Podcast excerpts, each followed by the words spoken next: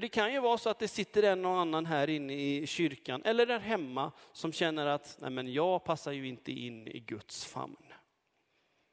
Jag har alldeles för mycket i mitt liv så att jag tror inte att jag vågar komma Gud så nära riktigt för då ser han vem jag är.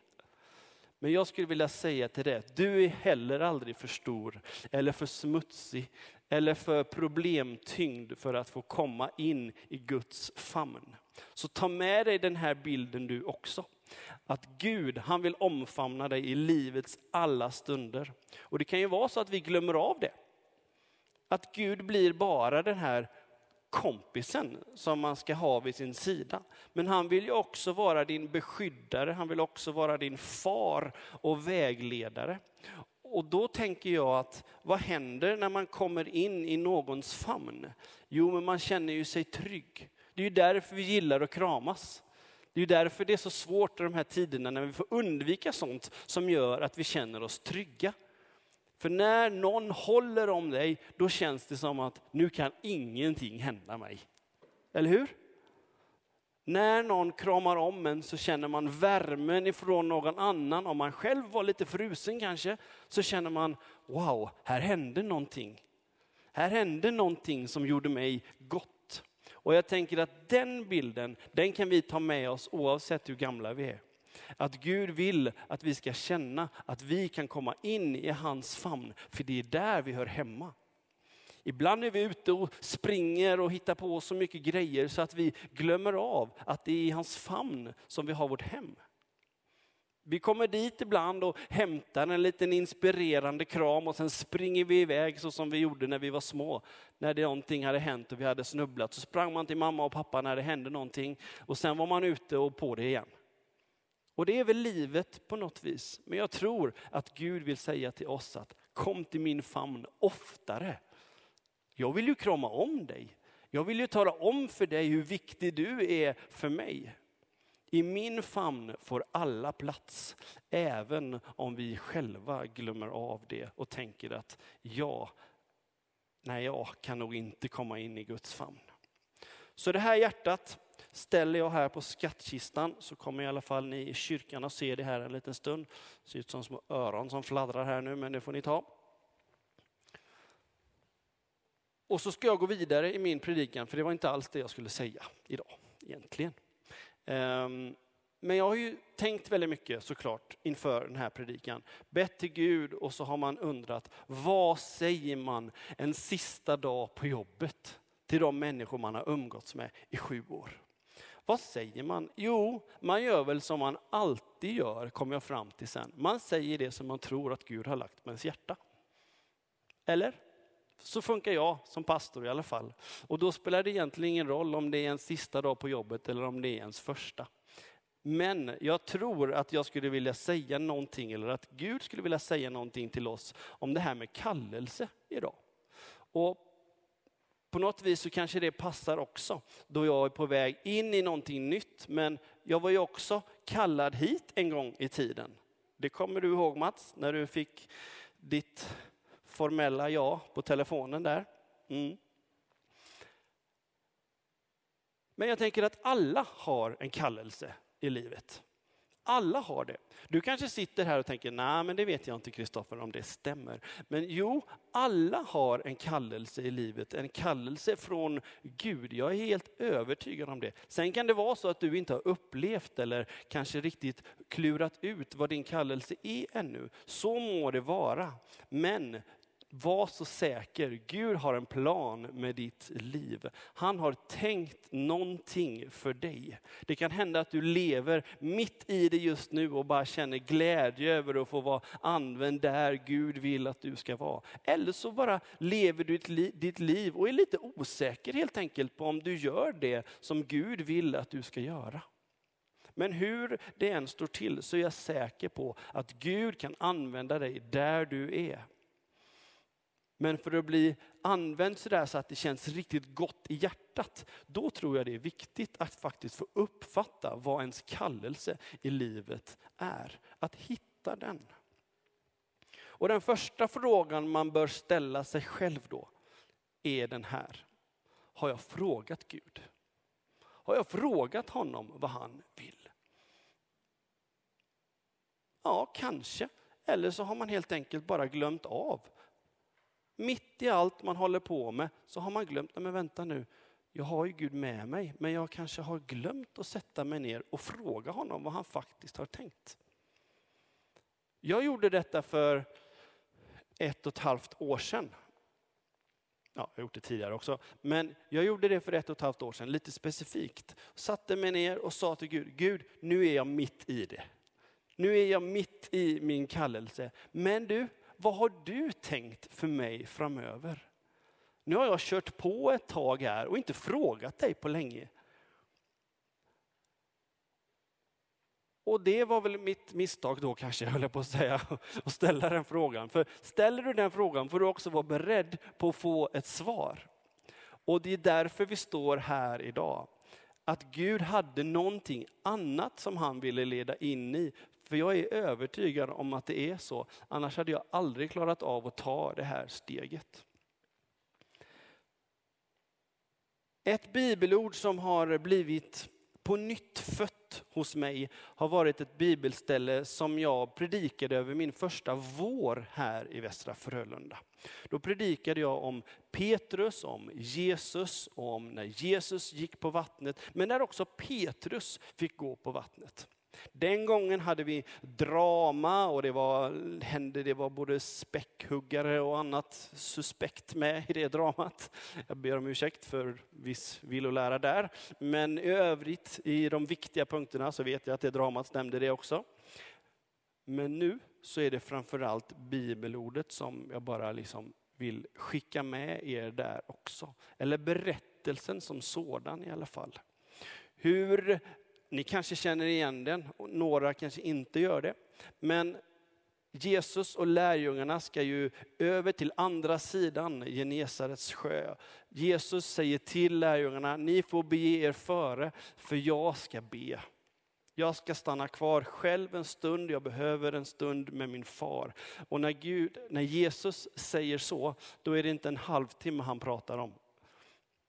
När Jesus säger, jag ska be en stund, då sätter sig lärjungarna bekvämt eller går och gör någonting annat. För då vet man, ja det var resten av den här dagen. Eller okej, okay, då ser vi inte honom förrän imorgon. Lite så, det hade de lärt sig. Det kunde gå en hel natt när han talade med sin far. Men Jesus säger till, far ni i förväg, jag kommer. Och utan någon större eftertanke, de undrade väl lite grann sådär, hur ska du komma över då? Men de lärjungarna som de var så sa de, okej, okay, vi drar. Och när de är ute på sjön så kommer ju den här stormen. Va? Det börjar blåsa, det börjar bli höga vågor och mitt där när det är som värst som vi upplever det i berättelsen så fruktar de för sitt liv där i båten. Så fattar man berättelsen. De är rädda för att de kommer att drunkna och gå under. Där och då händer ju det som många av oss kanske har svårt att ta till sig. Är det verkligen på riktigt? Det var det första lärjungarna tänkte också. Vad är det som är där borta?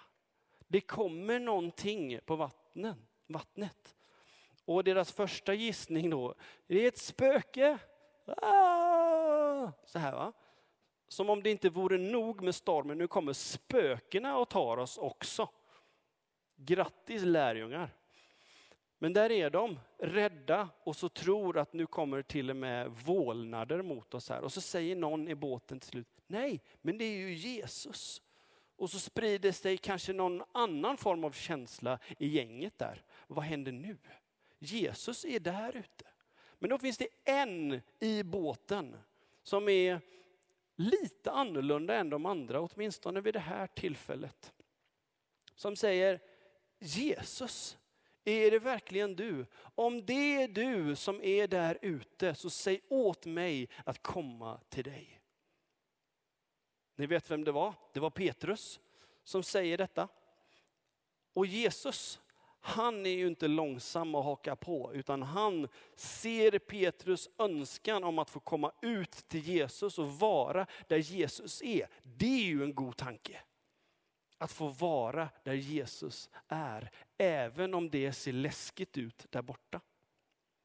då säger Jesus orden kom. Vad vi kan läsa så säger han inte mycket mer än så. Han säger kom.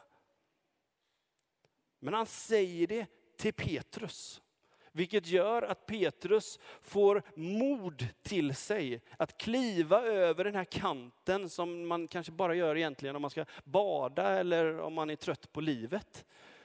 Då kliver han över kanten som strider mot allt förnuft och kliver ut på vattnet och tar något steg och börjar gå mot Jesus. Hur många steg, det har vi ingen aning om. Men han tar något eller några steg och vattnet det bär som mark under hans fötter. Så länge han håller sin blick på Jesus och kommer ihåg Jesus ord, kom.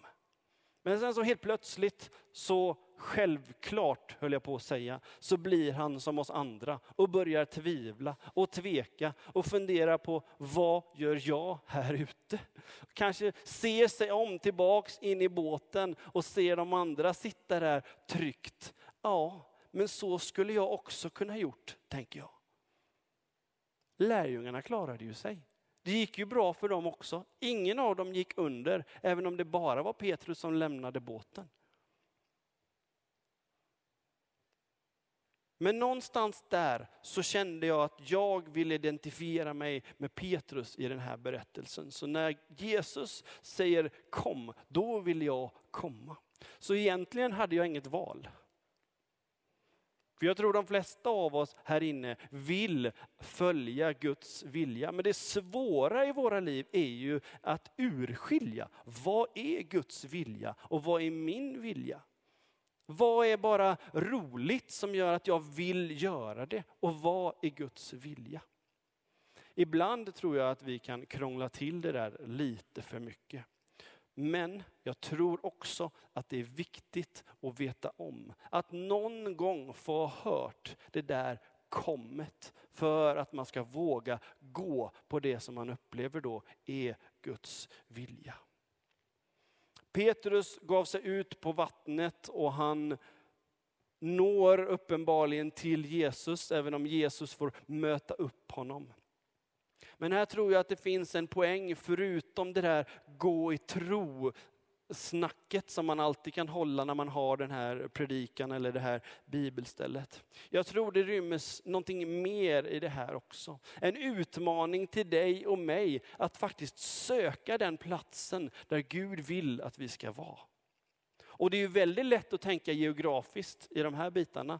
Att tänka, ja, okej, ska alla flytta till Jönköping? Är det det han står och säger i sin, sin sista predikan här nu? Liksom? Smidigt, han tar med sig alla 700 och så kör vi. Nej, såklart inte. Jag tror att det här kan faktiskt också vara ett sätt för oss att förnyas i de val vi gör i livet. Vi kan behöva den här berättelsen för att pröva våra värderingar.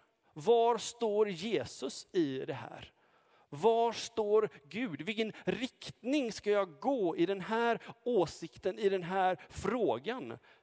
För att faktiskt följa och möta honom.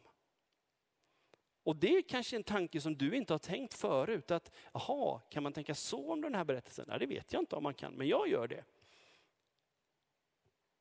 Att Petrus gav sig ut på vattnet kan få vara ett sätt för dig och mig att påminnas om att ibland behöver vi utmana oss i de åsikter som vi tror att vi har stå så fasta i och att vi vet vad vi tycker. Ibland kan det vara viktigt att ta sina värderingar och testa dem bara. Tycker jag verkligen så här? Vad säger Bibeln om det här? Vad säger Gud om det här? Annars blir det ju att man bara kör. Och det kan ju hålla ett tag. Petrus körde på ute på vattnet där, men sen så kommer tvivlet och sen så kommer oron och så kommer allt det där andra. Och så håller det inte längre. Kallelse. Ett märkligt begrepp att använda på det sättet som vi gör kanske i kyrkan. Vi får ju kallelser från lite olika håll. Det kan vara läkaren som kallar på oss, det kan vara tandläkaren som tycker det är dags för en kontroll. Det kan vara olika kallelser vi får i livet. Men någonstans så säger ordet ändå att kallelse, om jag ska infinna mig någonstans. Jag har någon plats att vara. Jag ska gå. Jag har en tid till och med att förhålla mig till ibland. Om jag inte har kallelsen och dyker upp hos läkaren ändå så säger de, äh, tyvärr kom tillbaka en annan gång och boka en tid. Gud behöver få göra din kallelse tydlig i ditt liv för att du ska kunna våga gå, att du ska gå i rätt tid. Min kloka fru som sitter där hemma och tittar nu, hon sa häromdagen när vi pratade om det här med kallelse och predikan, nu vet inte jag om jag får säga det här, men hur som helst, ni vet ju inte hur många av mina predikningar som egentligen är hennes ord. Det kan jag inte avslöja heller. Men idag så avslöjar jag det. Att hon sa så här, jag tänker med kallelse att det är lite grann som att få ett paket ifrån Gud. Mm, tell me more, känner jag så här, det här börjar bra. Eh, Okej, okay, vad menar du? Ja, men om man vet att det är från Gud så får man det här paketet. Om jag ser avsändaren, då måste jag lita på att det är någonting gott i det här paketet. Men jag måste också öppna det för att veta vad som finns där i. Och när jag öppnat det så måste jag också börja använda det. För att den här gåvan ska komma i bruk. Och lite så kan det vara med kallelse. Att du har ett paket som ligger någonstans där på din livshylla och väntar. Det kanske är så slitet din gåva för att du hittade den tidigt i livet så det är dags att be Gud om lite förnyelse så att den håller ett tag till. Men det kan också vara så att den står där ouppackad. För att du är lite osäker på om det där verkligen är från Gud. Då skulle jag vilja säga dig idag, testa. Öppna Se vad som ryms där i. Du kanske har skakat på det här paketet och hållit i olika vinklar för att försöka lista ut vad som finns där i. Men öppna och se vad Gud har för dig. Det tror jag är viktigt för att vi ska hitta våran väg fram tillsammans med Gud. Och jag lovar att innehållet i det där paketet är någonting som är gott för dig. Det är ju så Gud funkar. Han som känner dig allt igenom, han har gett dig en gåva. Den största gåvan, det är den här, korset som vi har hängandes här i kyrkan. Men han har också gett dig andra gåvor i ditt liv, bland annat som har med din kallelse att göra. Och våga öppna och se om Gud kan använda dig i det. Jag skulle vilja avsluta med de orden, förutom att lägga till en sak till. Jag skulle vilja läsa Herrens välsignelse över er. För det tror jag är det finaste och bästa man kan få, Herrens välsignelse.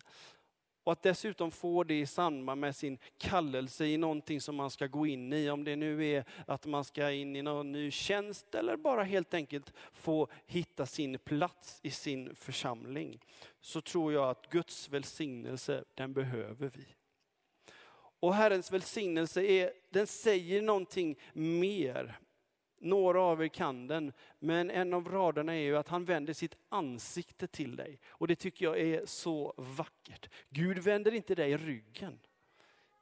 Ibland känns det som livet vänder oss ryggen. Barnpastorn kanske till och med genom att flytta iväg. Men ni vet Gud, han vänder aldrig oss ryggen, utan han vänder ansiktet till oss. Och när vänder man ansiktet till någon? Jo, men det är ju när man vill uppmärksamma någon.